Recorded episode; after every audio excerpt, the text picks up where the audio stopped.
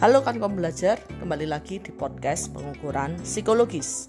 Kali ini saya akan membahas apa sih yang harus kita lakukan kalau ternyata variabel yang kita rancang tidak memiliki pengelompokan butir yang tepat sesuai dengan rancangan kita. Misalnya nih, kita eh, di awal merancang sebuah alat ukur dengan dua dimensi, dimensi A dan dimensi B. Lalu ternyata uh, pada kenyataannya ada beberapa butir yang cross loading, ada beberapa butir yang zero loading membentuk the best pengelompokannya adalah tiga faktor yaitu faktor A, C, dan D.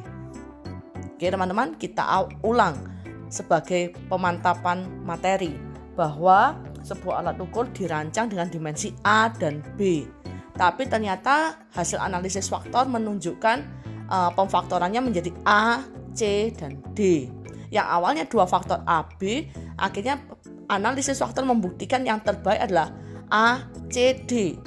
Artinya ada dua dimensi baru yang terbentuk hasil peleburan dari dimensi A, B. Nah, oke, okay, ketika kita sambungkan dengan hubungan dengan variabel lain, sumber bukti hubungan dengan variabel lain, apa yang harus kita lakukan? Sebelum kita beranjak kepada hubungan dengan variabel lain, teman-teman harus memastikan hasil reliabilitas AB dibanding hasil reliabilitas A, C, mana yang lebih bagus, mana yang lebih memenuhi syarat, mana yang hasilnya lebih tinggi. Katakanlah yang lebih bagus adalah hasil reliabilitas dimensi A, dimensi C, dan dimensi D. Maka mulai sekarang kita bergerak dengan pengelompokan terbaik itu, versi ANAVAC. Maka ketika kita bicara hubungan dengan variabel lain, maka kita harus mencari korelasi dimensi A dengan dimensi dengan variabel lain yang kita tuju misalnya kepribadian. Maka kita harus mencari definisi uh, mencari korelasi dari dimensi A dengan O BFI, dengan C BFI, dengan E BFI, dengan A BFI, dengan N BFI. Mungkin itu sesuatu yang mudah karena sejak rancangan uh, A adalah dimensi dari variabel kita. Nah, akan menjadi susah gitu ya ketika ada dimensi baru yaitu C dan D. Dimensi C dan D pun perlu Anda korelasikan. C dengan O BFI, C BFI, E BFI, A BFI, N BFI. Dimensi D dari alat ukurmu pun harus kamu korelasikan dengan O BFI, C BFI, E BFI, A BFI, N BFI.